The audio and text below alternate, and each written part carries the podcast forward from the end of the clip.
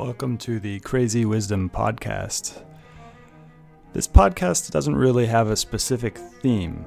Uh, it covers a lot of my interests, it co- covers a lot of other people's interests. It goes into philosophy, spirituality, business, uh, how to live a good life, many different things. Ultimately, I don't believe in having themes for the things that we do. We can categorize the things, and obviously, we categorize things all the time.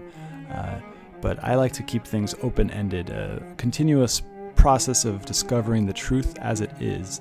Uh, and the truth is tricky because we can't really get to the truth uh, exactly because the truth is nonlinear. It is, in the words of John Vervaeke, combinatorially explosive. Uh, even the truth of this window that I'm looking at, the window itself, the glass that makes up the window is combinatorially explosive. The cup that holds your water is combinatorially explosive. You cannot model that cup totally in your head. You're only getting an image of it in with your eyes and your brain. That's not the actual cup itself. Uh, so this this show is a discovery of truth wherever it may appear by talking to people from various different fields. I've talked to artists, engineers, entrepreneurs, investors, uh, refugees. I've, I've just talking to anybody who has a glimpse into the truth. Uh, and through this conversation, through this mutual inquiry into what is true, what is real, hopefully we get to something that is helpful for to you. Now, we are in a time of crisis right now, uh, but it is in those times of crisis that we find our strength. And so, this show hopefully will help you to find the strength that is resting, that is deep inside of you, that is part of your birthright as a human being, uh, and find that strength so that you can get through these difficult times. Also, I want to let you know that I'm offering breathwork sessions uh, every day. I've got seven sessions a day. Uh, and really excited to bring this to people. People have been really enjoying it, and it has brought strength to people and courage. And, and that's my that's my goal is to help you find the courage to uh, not only survive but to thrive in the next couple years, maybe because this virus is not going away. Um, it, it, usually viruses come in waves. Uh, so this is the first wave. It will go away, and then it might come back. I'm not saying that I know for sure it will come back, but we are in this for the long haul. So this is a uh, marathon, not a sprint, uh, and I want to do everything I can to help you not only survive but to thrive. Uh, so. If you are interested in that, please find me on Twitter at Stuart Alsop III. My DMs are open. I'd love to hear about what you think about this show. Uh, also, it'd be very, very kind of you to both subscribe to the show on Spotify, Stitcher, uh, iTunes, many of the major pot plat- platforms. And if you're really feeling generous, go ahead and give a review on iTunes. So join me for the breath work. Just send me a message on Twitter at Stuart Alsop III with your email, and I'll add you to the email list where I'm sending out emails for the schedule. Uh, hopefully, see you there. Have a great day. Welcome to the Crazy Wisdom Podcast. My guest today is Francis Pedraza, and he is uh, the. This is the sixth time I think we've done this interview, and we're now doing a monthly series that will just get wrapped into my normal publishing um, schedule. So, welcome to the show yet again. It's a pleasure to be here. I'm excited for all the trouble we'll get up to. Yes. Uh, and speaking of which, we're. Oh yeah, no, I, I won't even mention that. Uh, so we were talking about dialogue um, and i'm not talking about the specific context that you're talking about but what in general is dialogue and what separates it from um, conversation and what separates it from an interview? Nobody asked questions like you stuart. Like nobody, would have, nobody would have gone in that direction. Um, uh, so um, dialogue is not monologue. Um, and uh, and so if you think about how often you're sitting in front of a lecture a panel, uh, an all hands speech or whatever. Uh, it's not participatory and you're just being indoctrinated basically. You're just having, you're downloading somebody else's thoughts, um, but you can't engage. Um, and sometimes engagement is risky. Like, uh, have you ever been that person who like asks the question to the the person giving the speech, and uh, suddenly it's like a very political question. It's like if you question their. I remember, for example, uh, I was at a corporate retreat um, maybe about six weeks ago in uh, Napa Valley. And a bunch of CEOs, and then you had a venture capitalist uh, on stage being interviewed by a journalist, and um, uh, the journalist was asking the venture capitalist if they were going to slow down their rate of investing, and um, and he said, no, we're actually just uh, looking for perfect deals. And I asked the question, so uh, what exactly is a perfect deal? Um, and and like, isn't that adverse selection? Uh, if there's a perfect deal at the early stage, um, then you know there's not really risk and so how do you generate any alpha? And uh, if it's so optically perfect then you know uh, is, isn't there something wrong with it? Um, and he said well i don't really mean a perfect deal. I look for perfect founder product fit um, and uh, and pedigree basically like of the six billion people on the planet why is this person the person that is going to start the incredible company here and without thinking i just said so, what pedigree exactly did Elon Musk have to start a car company or Steve Jobs to start the ultimate consumer products company? To which he just drew a blank and then sort of hedged his way out of it. And it was one of those things where just I realized with two questions, I had changed the whole dynamic in the room. Yeah. from like expert pontificating to suddenly like basically judo tripping him without trying to and then suddenly like almost embarrassing him on accident. And so this actually gives you a sense of how how politicized most most speech is. And i don't mean politicized in the sense of like partisan national politics. I mean just like human dynamics politics. Um, where you know so often we are we we we want uh, almost like honor culture, like Japanese honor culture. Yeah. If you're dishonored, if you're dishonored, you commit seppuku, right? or yeah, harikiri, or whatever the word is, right? Yeah. Um, and so it's like, um, uh, so maybe like in Japanese honor culture, if we were medieval samurai and this had happened, and on accident I had offended his honor by asking just two innocent questions, yeah. he would have he would have challenged me to a duel. Yeah. Uh, yeah defend his honor, and then uh, one of us would have died. For, so then you realize, oh, maybe you shouldn't ask questions in large groups. Yeah.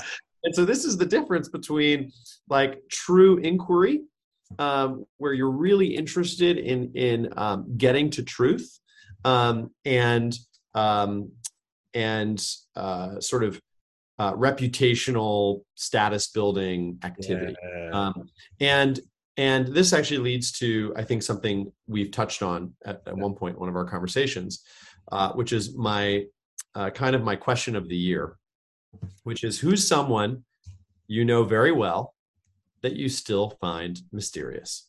Uh, um, uh, okay.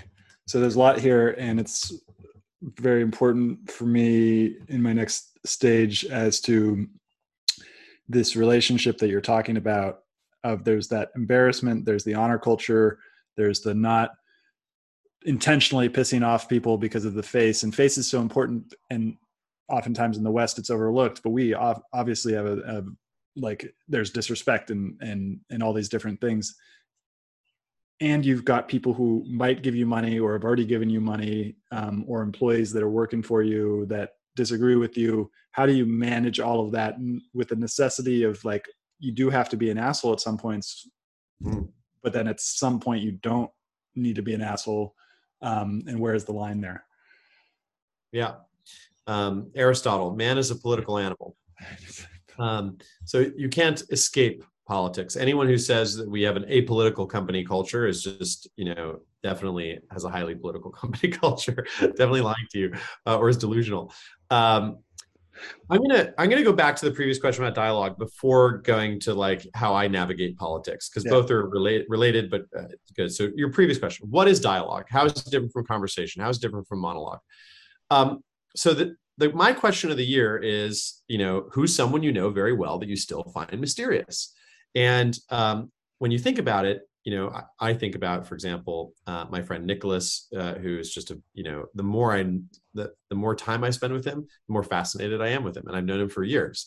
Um, and um, and if you think about what happens in a conversation, why do we have conversations? Yeah. Why do you why why Stuart are you and I so attracted to each other that we've done six podcasts together, we've hung out together as friends, we keep wanting to talk?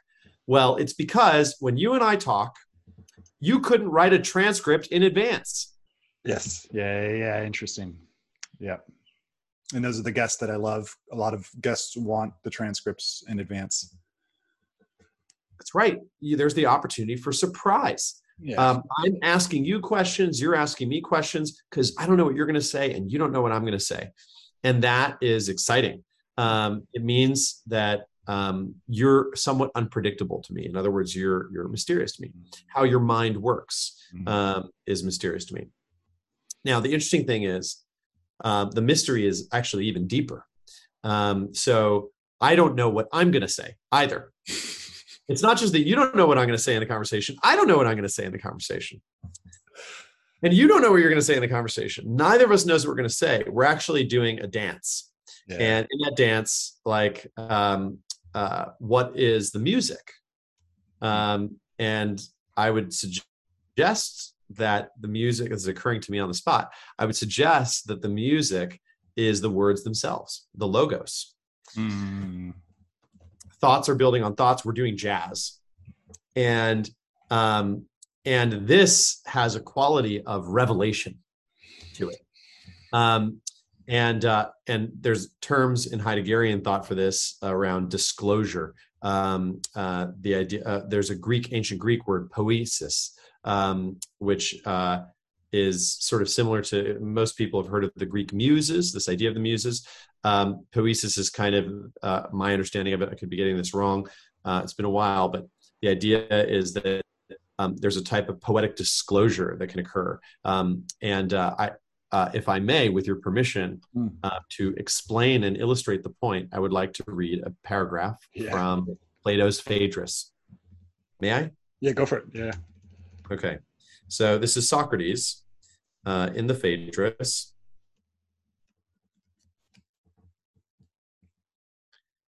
There is a third form of possession or madness, of which the muses are the source.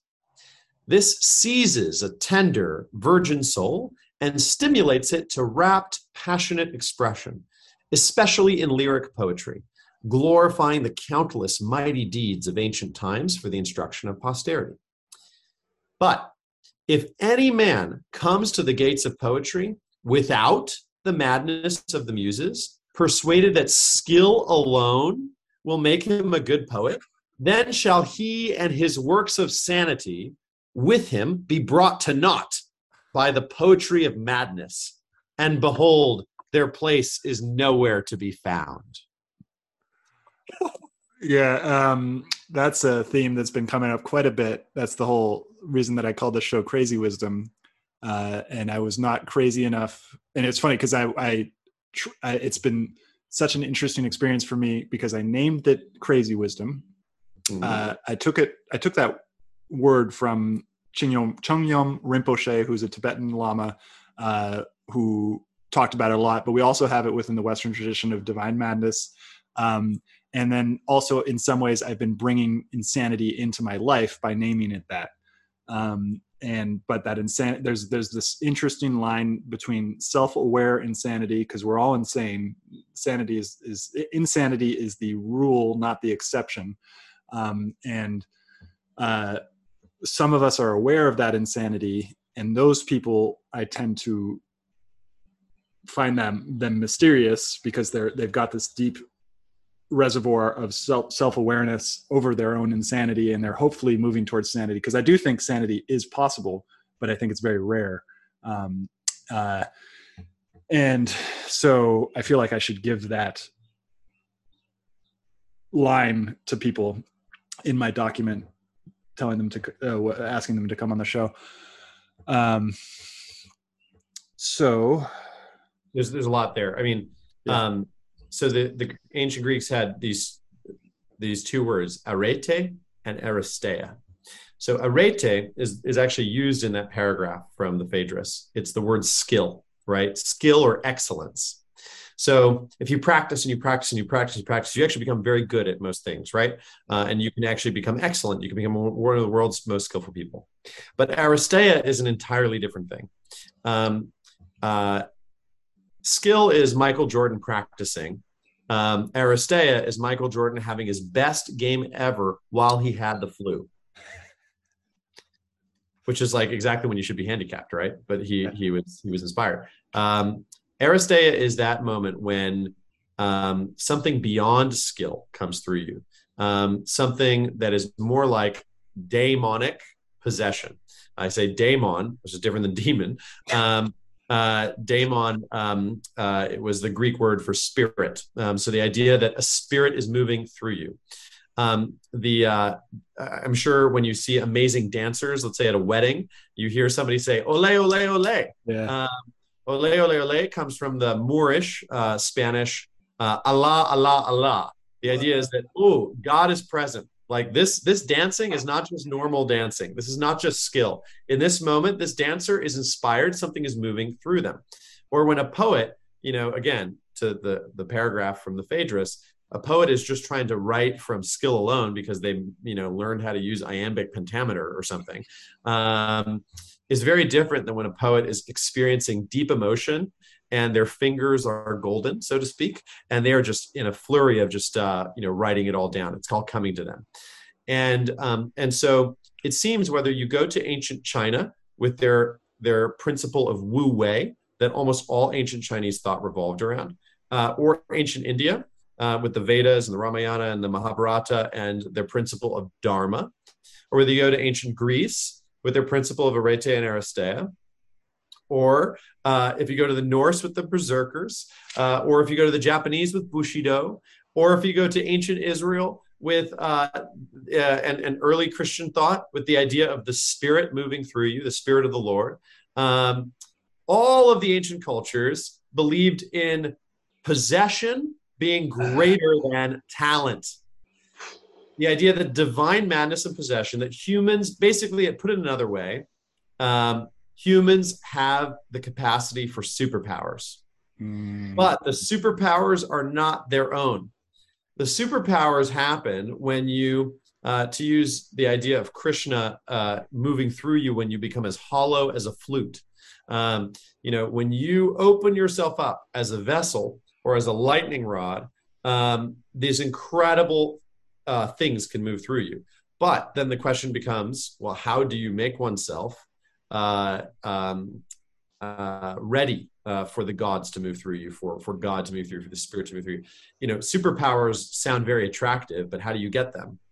And it's very interesting. They all seem to center around um, some integrity principle, right? There's something about having a moral character um, uh, and having a certain amount of purity of intention um, that is beyond selfish desire. So this is actually a Kabbalistic principle, the idea that like we receive in order to give.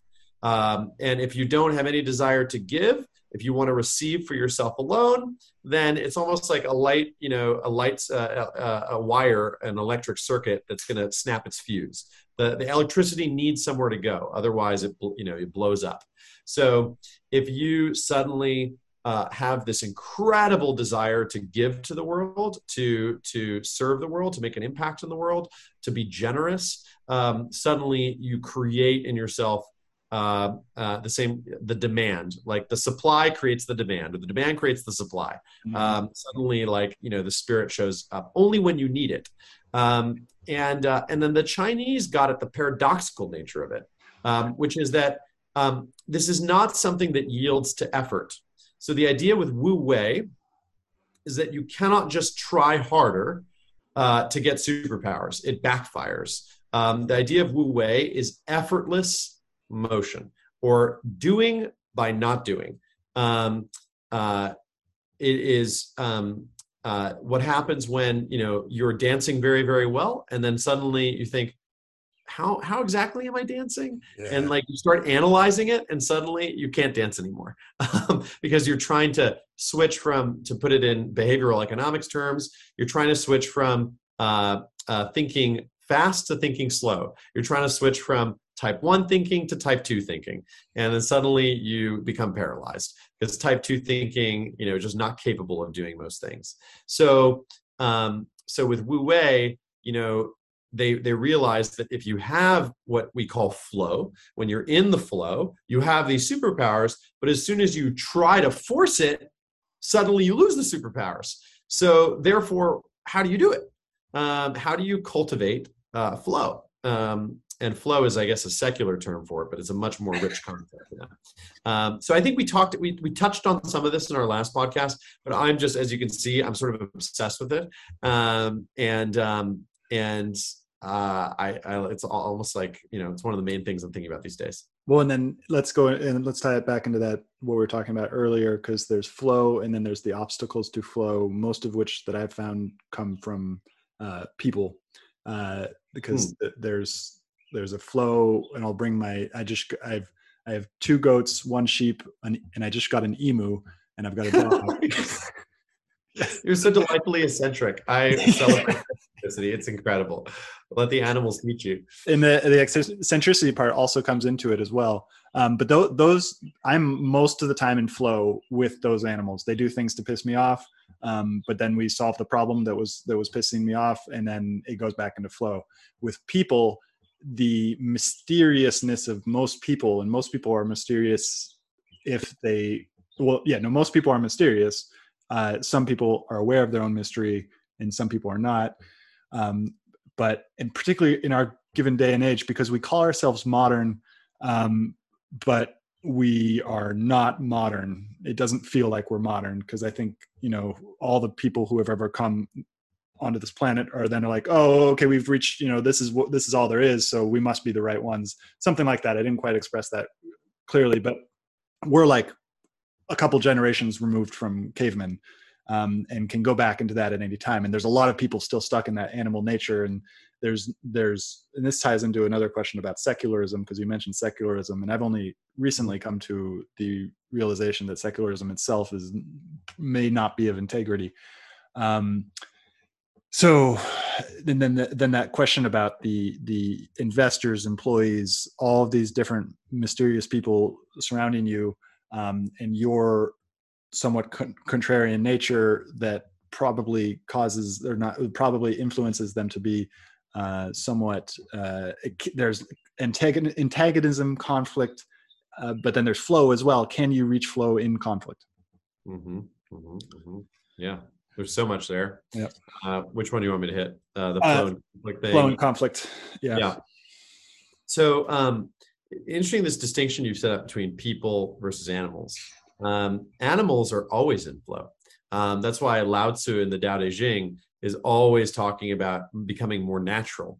Um, uh, because animals don't have type 2 thinking right they're not analyzing themselves they're just being the way they are um, and so Lao Tzu used that as exactly his jumping off point like emus are always emuing right uh, they don't have, you know, any angst about, oh, am I doing the right thing? They're always just emuing. Um, they are being the algorithm that is emu, right? They're, they're, the algorithm is like operating according to the algorithm itself, right? It's just being itself in all situations.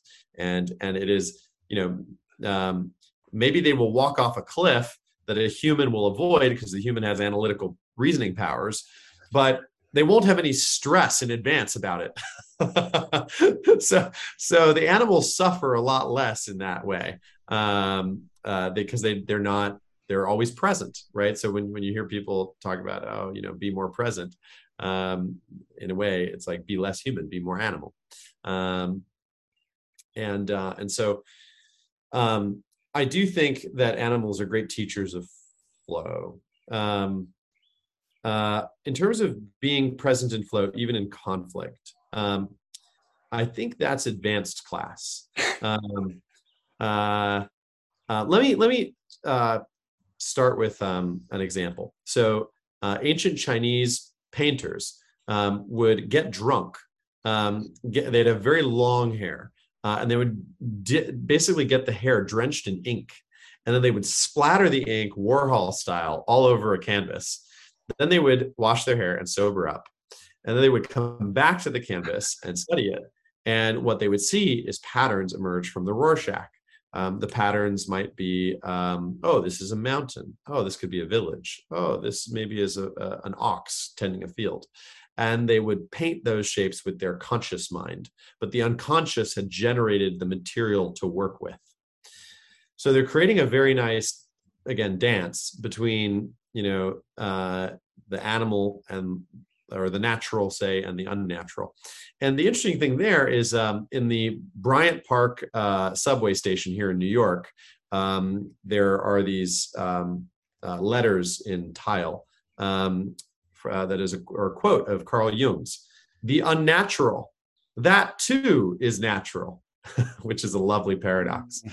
Um, in other words, um, from a certain point of view, the city of New York, with its skyline, which seems like the most unnatural thing in the world, is itself just as natural as a tornado, as a waterfall, as a supernova. Uh, we are humans and we have emerged from nature. Um, and so, in our our humanness and all this art like just like beavers build dams humans build cities. And so even our weirdness is it's to some extent not uh, alien. So i think part of eastern thought is actually um, is first of all it's very paradoxical so you have to get very comfortable with this type of thinking. But um, it's about reducing alienation. Um, so mm. part of reducing alienation is not just to be more like the animal but it's also to be very comfortable with the fact that you are a human and you do time travel in your mind to the past, to the future. You do uh, analyze things and you do have these higher reasoning powers. And becoming aware is not as simple and two dimensional as sort of like um, what I, what we've talked about before is like hippie Buddhism, uh, which is just um, uh, you know, sort of overly simplifies Buddhism, uh, which is probably like simplified Hinduism. Um, the the, the three dimensional thing is much more complicated than just be present, right? Be present is a little bit too simple. Um, it's it's a much more complicated relationship, and awareness um, of all the dynamics in play is really what it's about. So um, in the Mahabharata, they have these wonderful dialogues.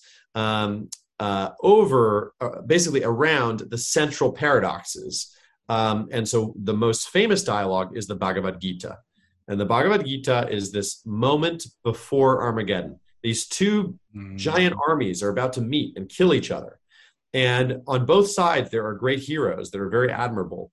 And uh, it is the, there, you know, both sides, well, one side in particular, feels that it is a just war um, uh, and a lot of the heroes on the other side are there from for loyalty. Uh, they don't feel it's just, but they feel like they have to be there.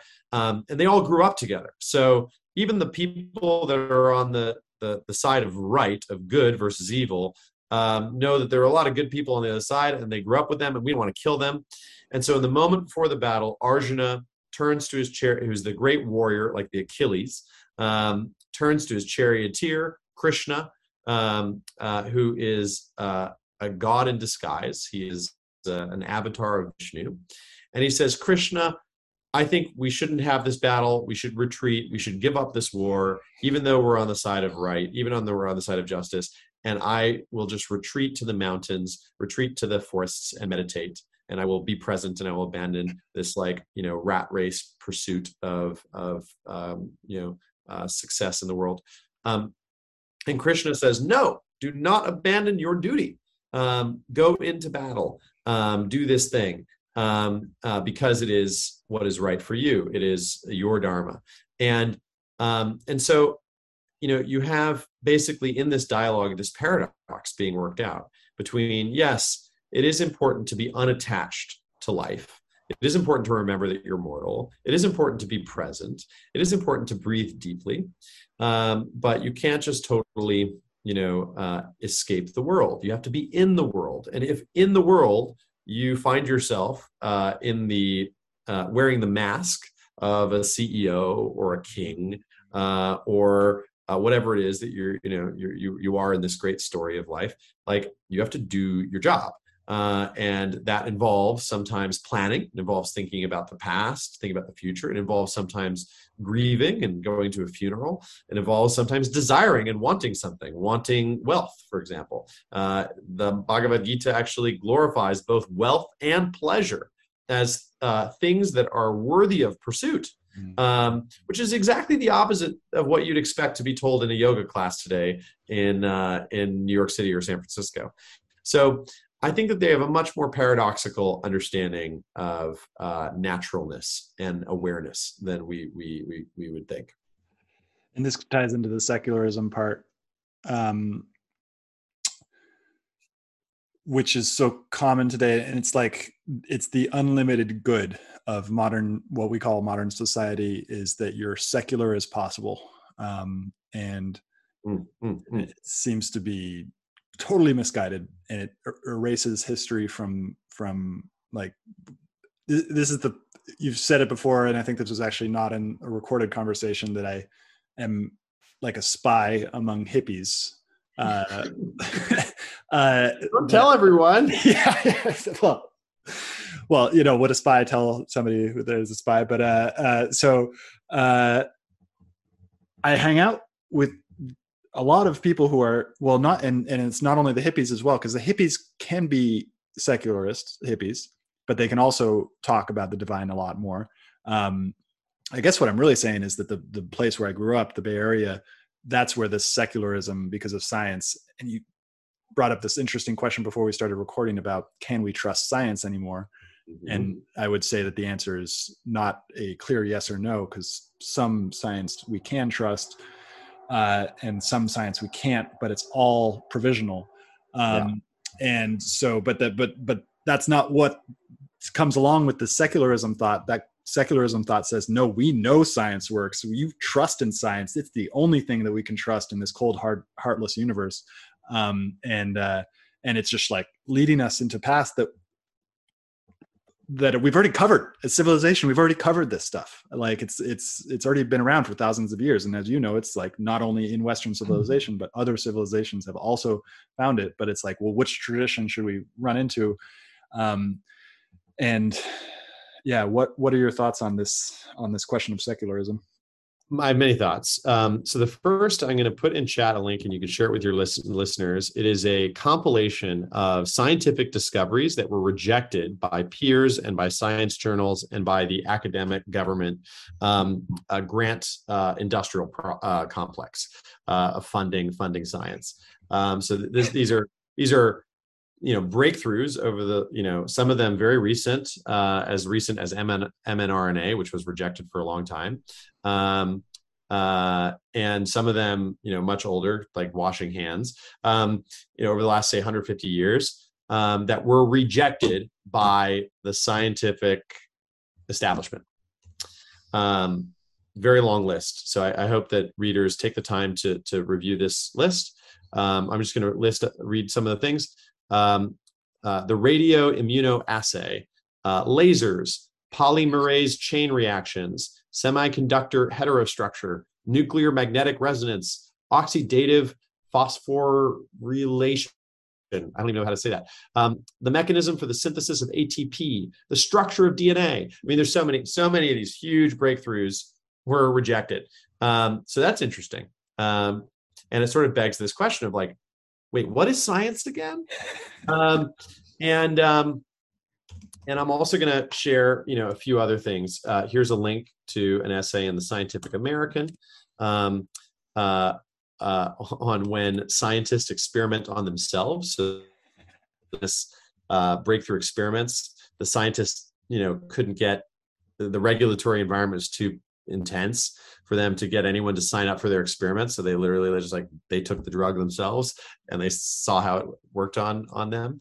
Um, and uh, uh, one of the biggest you know breakthroughs i think it was in like bacterial um, medicine came from a scientist literally like poisoning himself to prove that the thing wasn't working and then to prove that he had an antidote. Um, it's a very very high risk experiment very glorious. Um, and uh, i'm actually going to share a pdf um, from the Scientific American. Uh, when scientific orthodoxy resembles religious dogma, this is a short opinion piece uh, by a Harvard professor named Avi Loeb.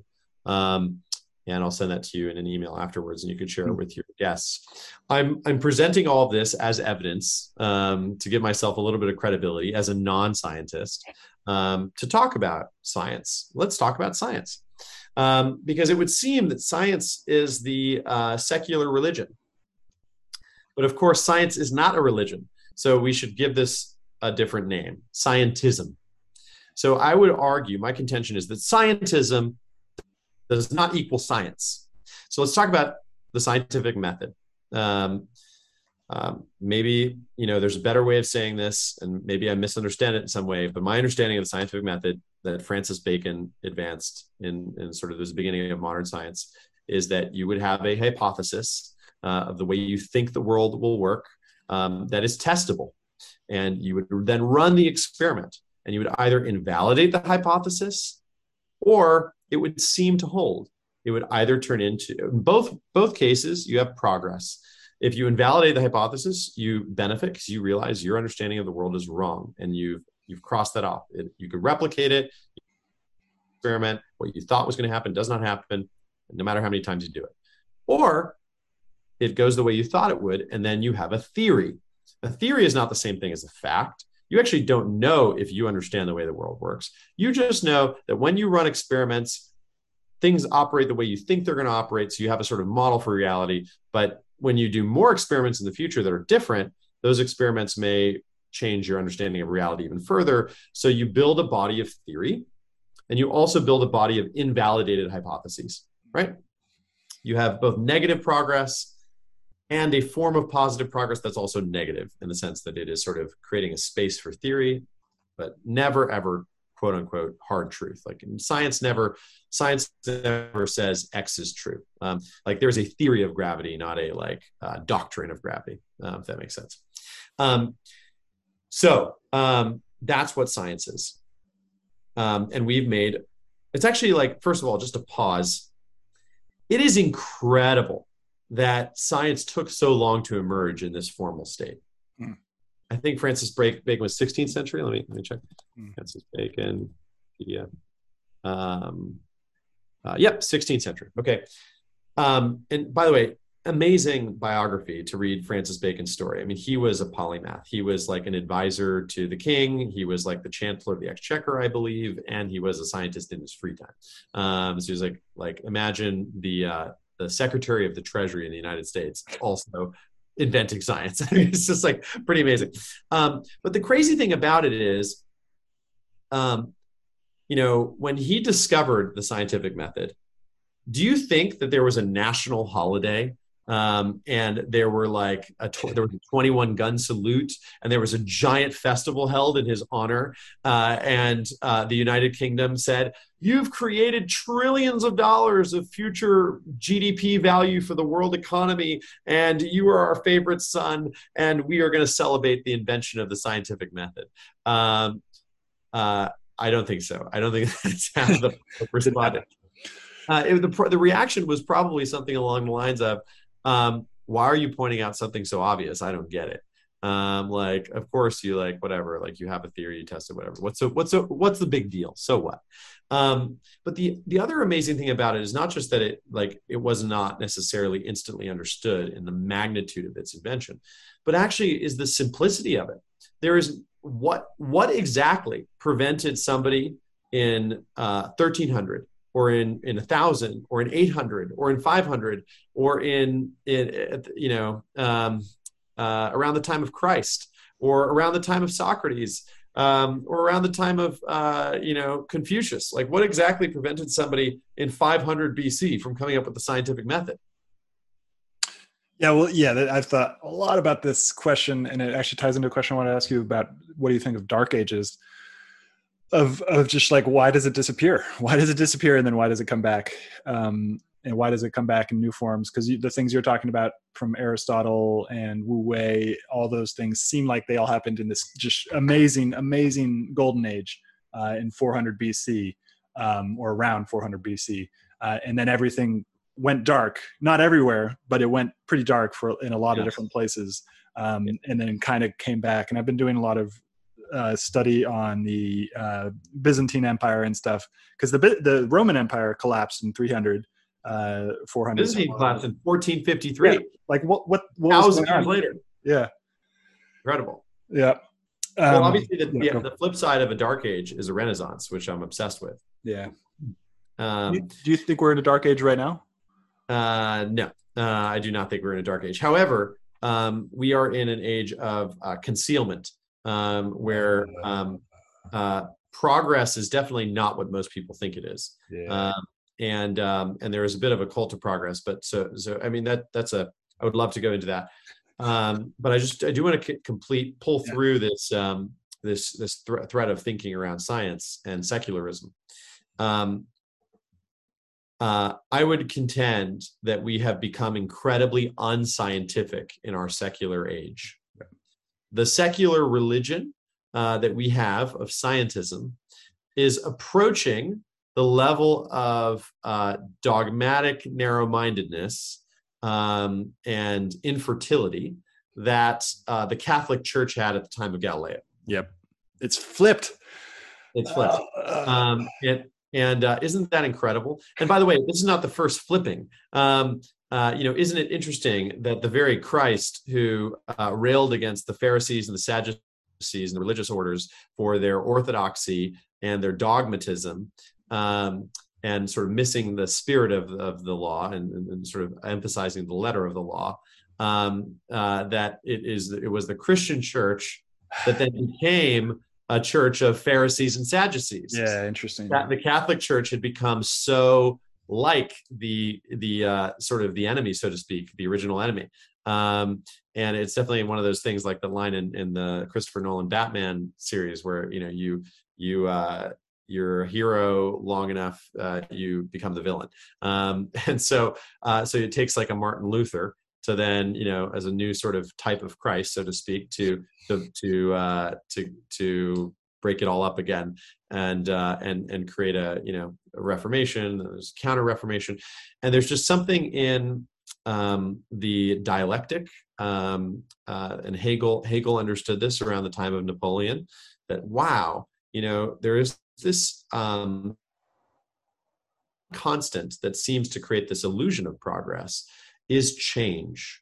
Um, and and you have um, forces and counter forces. You have arguments and counter arguments and counter counter arguments. You have a thesis, a counter thesis, and a synthesis, and a counter synthesis, and a supersynthesis. And this is how societies evolve. They just go through these motions. So I think uh, we have a lot of what I would call chronological snobbery in the year 2022. We think, to use Fukuyama's term, that we are somehow at the end of history, but we are not. We are in history. And uh, in in the year 2300, they will look back at the year 2022, and they will see so much more clearly than we do all of our blind spots and all of our arrogant assumptions and all of our ignorance. Um, but we're blind to that. We are like you know the person in uh, Christ's parable who points out the speck in somebody else's eye while having a log in our own eye, right? so we see so clearly the ignorance of the you know um, of the medieval times. Uh, oh, so silly that they had a you know um, uh, a um, uh, uh, they thought they thought the um, uh, sun revolved around the earth. You know so silly that they had a ptolemaic model of the universe. Oh you know so dogmatic that they actually thought you know uh, the world was created in 6000 years. Oh, they're so dumb. Um, they can't actually understand the many many virtues of medieval thought. There's an incredible amount of fertility in medieval thought. Um, but uh, but we don't see our own blind spots and of course we do have them. Um, and so i'll just suggest one uh, and uh, to, to not be negative i like to be i would like to present a positive vision here. I would like to suggest on your show a different way of funding science. Hmm. what is that way? So first of all we haven't we have had a kind of slowdown in um, scientific fundamental scientific discovery and huge big advances. Um, uh, unclear how many big advances have occurred since say einstein. Um, and this is actually interestingly explored in chinese science fiction. The three body problem sort of uh, captures this sort of anxiety around uh, slowdown in progress and fundamental or basic research in physics. Um, and others like uh, Peter Thiel and uh, Eric Weinstein have talked about this on Eric Weinstein's podcast and, and, other places. Or like, you know, are we actually in a period of stagnation in science?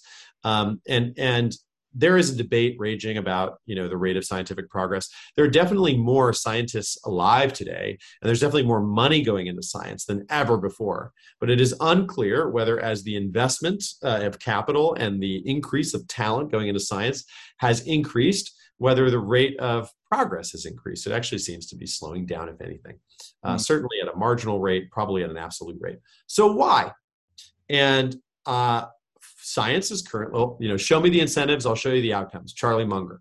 So science is currently funded in, uh, you know, in my understanding, in three ways. Um, the uh, um, through corporate R and D.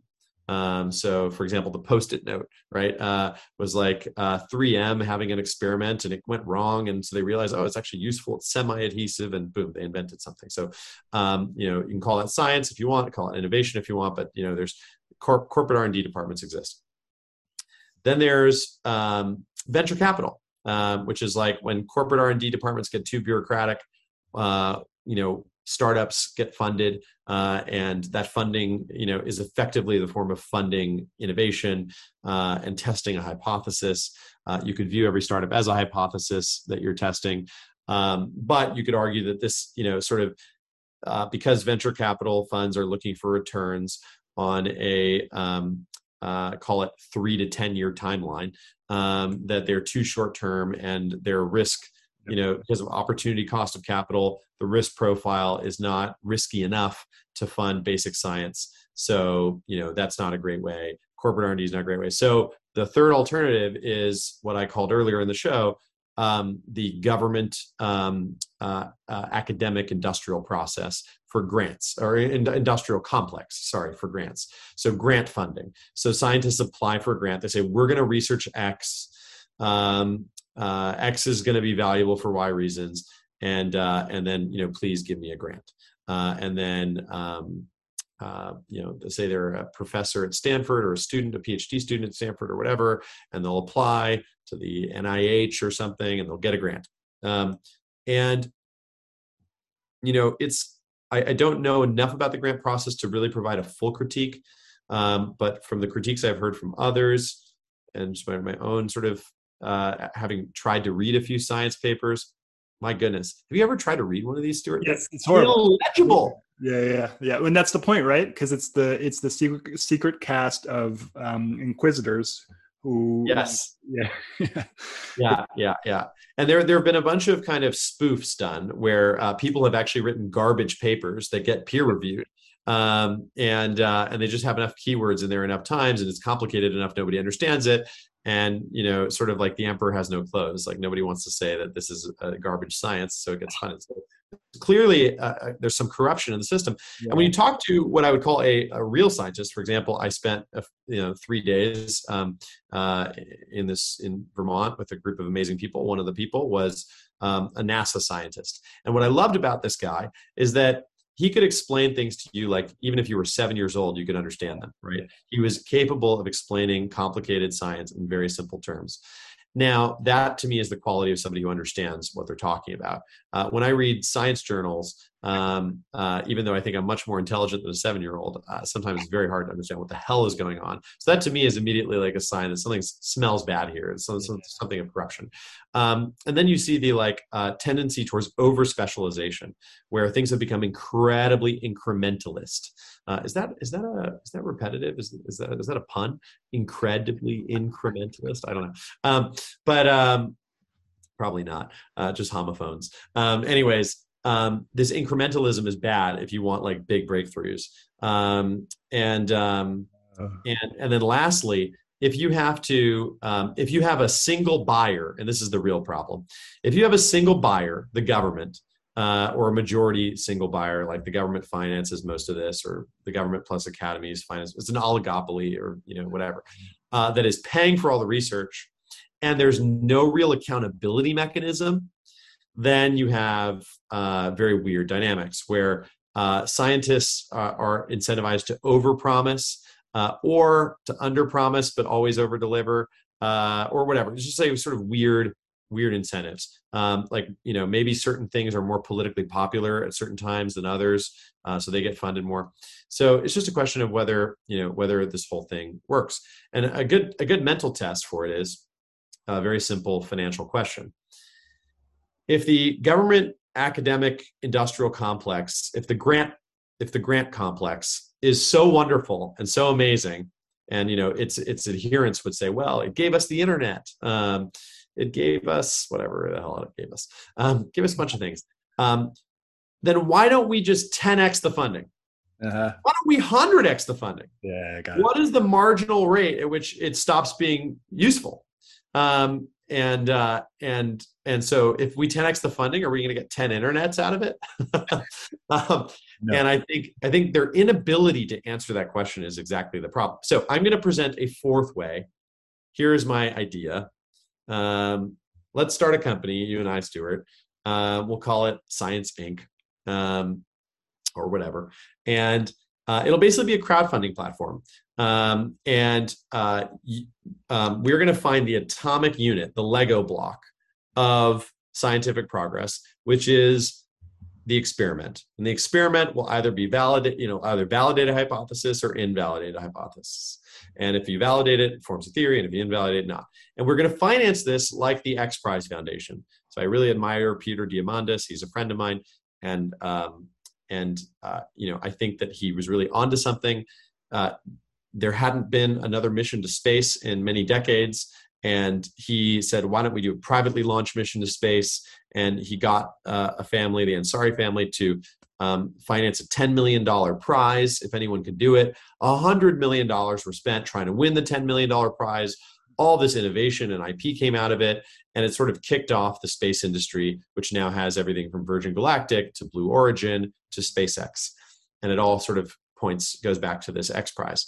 So, what if there were many, many X Prizes for science and you could crowdfund it? So, you can go on the platform and you can think about what you know x prize so to speak you want to put your money into um, and then any experiment that would result in either an invalidated hypothesis or validated hypothesis would um, uh, would get funded on the platform. Um, and and so the market will decide which experiments are most exciting and which are least exciting. And over time reputations get built for scientists who uh, are achieving the most experimental results. And um, and they develop a you know and i think you can even ex- expand on this idea from there but there there that's the idea. So the fourth way is basically okay you've got venture capital you've got corporate r&d you've got the uh, grant process and then now you have um, crowd finance grants um, that are uh, are yielding um, you know these incredible breakthroughs. Uh, that's my idea. What do you think? Yeah, yeah, no, it's interesting, and the it points to the bureaucratic nature of over specialization uh, and make it fun. And if you make it fun and you make it a prize and you bring competition into it, then it will um, it can incentivize things which are not incentivized in any of the three things that you talked about. The corporate R and D feels like it's the most open to well I was going to say most open to corruption, but then the, the government a- academic complex is also very open to, to corruption because the corporate R and D seems to be that uh, it's almost completely captured the um, the the science and turned it into marketing instead. Um, and the right. gov- the government academic complex is I don't I'm not as familiar with it. I've been thinking about grants, how to get grants. Like, is that actually a good good way to make or not a good way to make money? Is it a good way to find capital for uh, uh, for growth? Um, and it seems like the bureaucracy there is is much higher. And it seems like in terms of what you're talking about, the bureaucracy of it, the like all the things that get in the way would there would be less of them, but you might not get the prize. don't corrupt yourself stuart don't don't get involved in that, that system Shady business in those in those grant. It is a shady business. Yeah. Yeah. Don't take don't take the government's money. It's like taking money from you know the people. Uh, don't, yeah, well, it, it- yeah, it's when that's the funny part that goes through my mind. It's like, well, wait, I'm but I'm I'm paying for part of that in my taxes.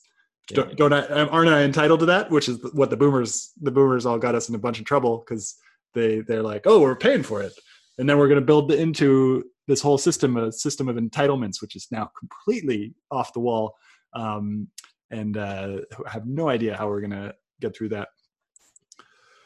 So um, I I just want to again going back to like creating a positive vision here. It's like the Mm. point here is um, uh, even though there are many like if you look at what where we're currently at is a scientific dark age. Uh, even though we think we're in a we think we're in a scientific golden age, uh, but maybe actually it's a scientific dark age. There is this opportunity for renaissance, and it's never been better to like you know innovate and solve the problem. But I think part of this is what I'd call this the spirit of science is very different than what most people think it is. the spirit of science is daring and adventurous. The spirit of science is questioning and curious. The spirit of science is creative and imaginative, um, and um, and is is open minded um, and is interested in any idea uh, that that might actually work. And um, if you contrast this with the rhetoric in 2020, which I know you and I have talked about before, of follow the science. Scientists say that uh, you should wear a mask. Like anytime, you know, anytime anyone says the science says or or experts claim or whatever, it's just it's garbage. It's propaganda. It is politics. It is not science. Um, and um, and and the you know this is where scientism is much more aligned with you know religion. It is a secular religion with politics. It is technocracy. It is elite control um, over truth. It is an elite monopoly on truth or an attempt to monopolize truth. Um, and it is quite truly the opposite of science. It is it is dogma and orthodoxy. Um, it is not the scientific method, which is, you know, well, like, you know, that's one way of responding to this. Uh, what are the other ways? Um, you know, uh, let's run an experiment. Let's do this. Let's do that. Let's try other things. It's the opposite. And so I would just encourage listeners to just be hyper wary of, of the politicization of science and of thinking and of, of whatever whatever assumptions they have, including aesthetic and value based assumptions they have about what science is all about. Like science is is definitely not about uh, whatever majority of scientists or whatever the scientists that are politically popular right now that are trying to pass laws. Like, ugh, that is not science. Should scientists be passing laws? Um, uh, so for the last seven minutes or so, what is the most important thing that we can cover uh, to leave people with a positive message on a sort of age of concealment, but within that age of concealment, this this awesome opportunity to create yeah. lasting value. So I have an idea for tying it all together. Let's just pulling some of the themes through. Um, so there, there's a theme around mysteriousness. Mm. Um, there's a theme around paradox, and there's this theme around renaissances and dark ages. There's this theme around science, and actually they're all related. Mm. Uh, there's sort of science, maybe science versus philosophy or something. Uh, they're all related. So um, uh, the first thing is that if we are living in a secular age, and one of the assumptions of in a secular age is that we know a lot of things. We mm. kind of figured it out. Mm. Quote unquote science, read scientism, has you know answered most of the questions in the world and the, the only big unresolved questions are, are way out there in outer space or at really small subatomic particles. Like you know we sort of have figured out most of the other things. Um, and uh, if you're a spiritual person or a religious person or even a philosophical person why bother? Like why not just be a pragmatic scientismist uh, or whatever? Um, and um, and so yeah the secular this you know the secular attitude is actually very arrogant. Yeah. Um, and it's chronologically snob snobbish uh, towards past ages um, but it is is just sort of generally like the attitude is that we know a lot yeah mysteriousness is the opposite attitude you know you basically say well wow I actually don't know Stuart that well, and I've known him for years. Mm. And I don't know actually any of my friends that well. They're very mysterious to me, which is why I still have conversations with them. Um, and I actually don't know myself that well. I don't even know what I, I when I joined this podcast, I had no idea what I was going to say today. None of this is scripted. I had no notes, no prep, and I said all this shit. Uh, where did it come from? Who knows? Um, uh, you know, uh, am I an algorithm? Do I have a destiny? I don't know. Like, there's all sort of everything is mysterious, and so you become mysterious to yourself your friends become mysterious to you. The world becomes mysterious. It is a great attitude to cultivate. Uh, and I would argue that it is the true scientific spirit um, because it's only when things become mysterious that you start asking questions, generating hypotheses, testing those hypotheses. So, um, so that's mysteriousness. And then paradox actually is a very important thing that I think you know contemporary um, uh, thinkers very do a very bad job of, which is that most truths are not A or B. Um, they're like some sort of tension between A and B and can go in all kinds of ways depending on the situation. Um, and so the beautiful thing about a paradox is that a paradox has no theoretical solution. So um, I'll give you a couple of them. Um, like one is a, just a theoretical koan. Should the tiger adapt to the jungle or should the jungle adapt to the tiger? Uh, and when they would, you know, um, in, in Zen, they would say, if you say the tiger, I'll slap you 30 times. If you say the jungle, I'll slap you 30 times. If you say both, I'll slap you 60 times. What is it? And uh, answer, answer now. And th- what they're trying to do is provoke enlightenment. And, and, and they associated enlightenment with a comprehension of paradox, right?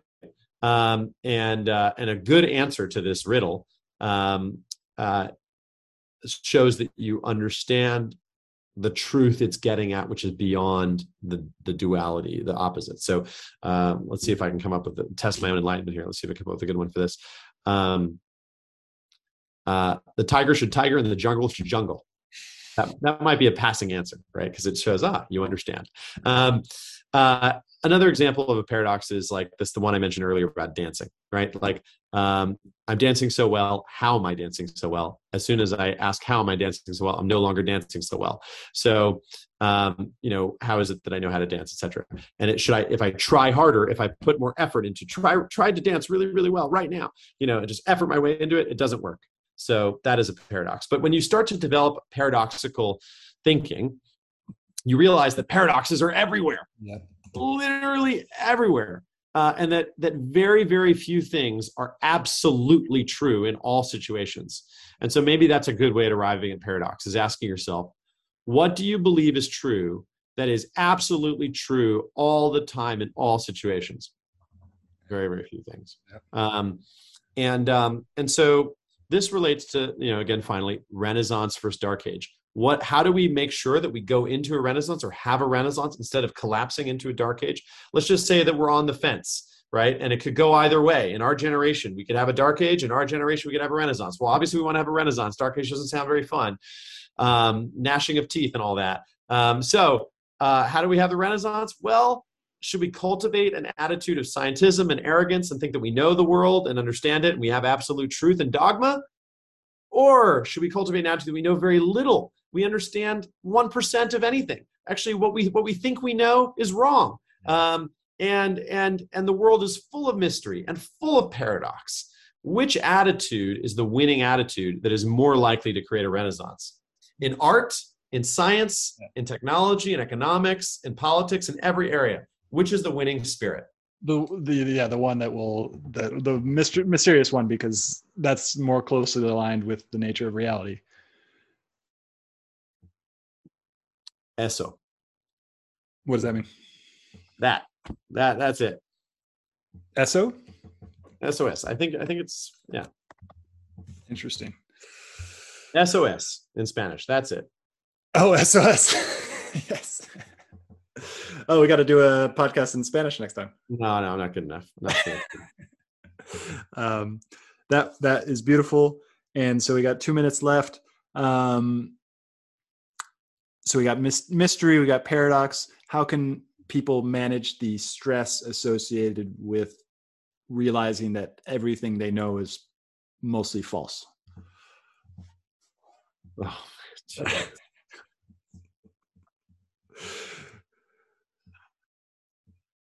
um, yeah, that is actually the beauty of paradox. Is at the end of the day, you you move right. Um, you take actions. Um, so um, there's um, uh, doing nothing is also a choice, right? That's a good example of a paradox. There is no way of doing nothing. Um, if you if you do nothing, you are doing something, which is doing nothing, right? Um, yeah. And and so so this when you when you become aware of the amount of the paradoxical nature of reality, um, you know it can be paralyzing. Um, but then you realize that doing nothing um, you know is uh, you know you have to do something and so you actually find that you end up doing things you, you observe yourself doing things almost like on an out of body experience you're like oh Francis is going to the grocery store. Francis is going on a podcast with Stuart. Francis is answering his emails. How does Francis know what to do right now? Like uh, Francis is making a management decision. Francis is hiring someone. Francis is firing someone. Francis is buying back his investors. You know, like why why is he doing all these things? it's a very strange experience that you can have, and um, uh, I think actually that's we can conclude on this idea of the divine dance and mad. Go back to this idea of madness. I think that like, um, uh, it is amazing that something exists instead of nothing, and that something is this dancing cosmos. Yeah. I am Francising, you are stewarding. The economy is economying. Uh, everything is happening, and everything is in this kind of incredible equilibrium. Um, and uh, um, now I'll turn this into an economic thought, which is when you buy your cup of coffee at the coffee shop, um, and let's just say it costs uh, some silly price, ten dollars, very high uh, inflation. Um, uh, how much money is involved in the transaction? It's a trick question. Oh, interesting. Uh, well, because yeah, there's uh, it's unlimited because it, it, goes back to the nature of the universe. Oh, you're enlightened. You understand? it is not. It is not ten dollars that is involved when you're buying coffee. It is all the money in the economy, in the entire global economy. Why? Because the economy is a system of value trade-offs, right? So why is it ten dollars instead of five?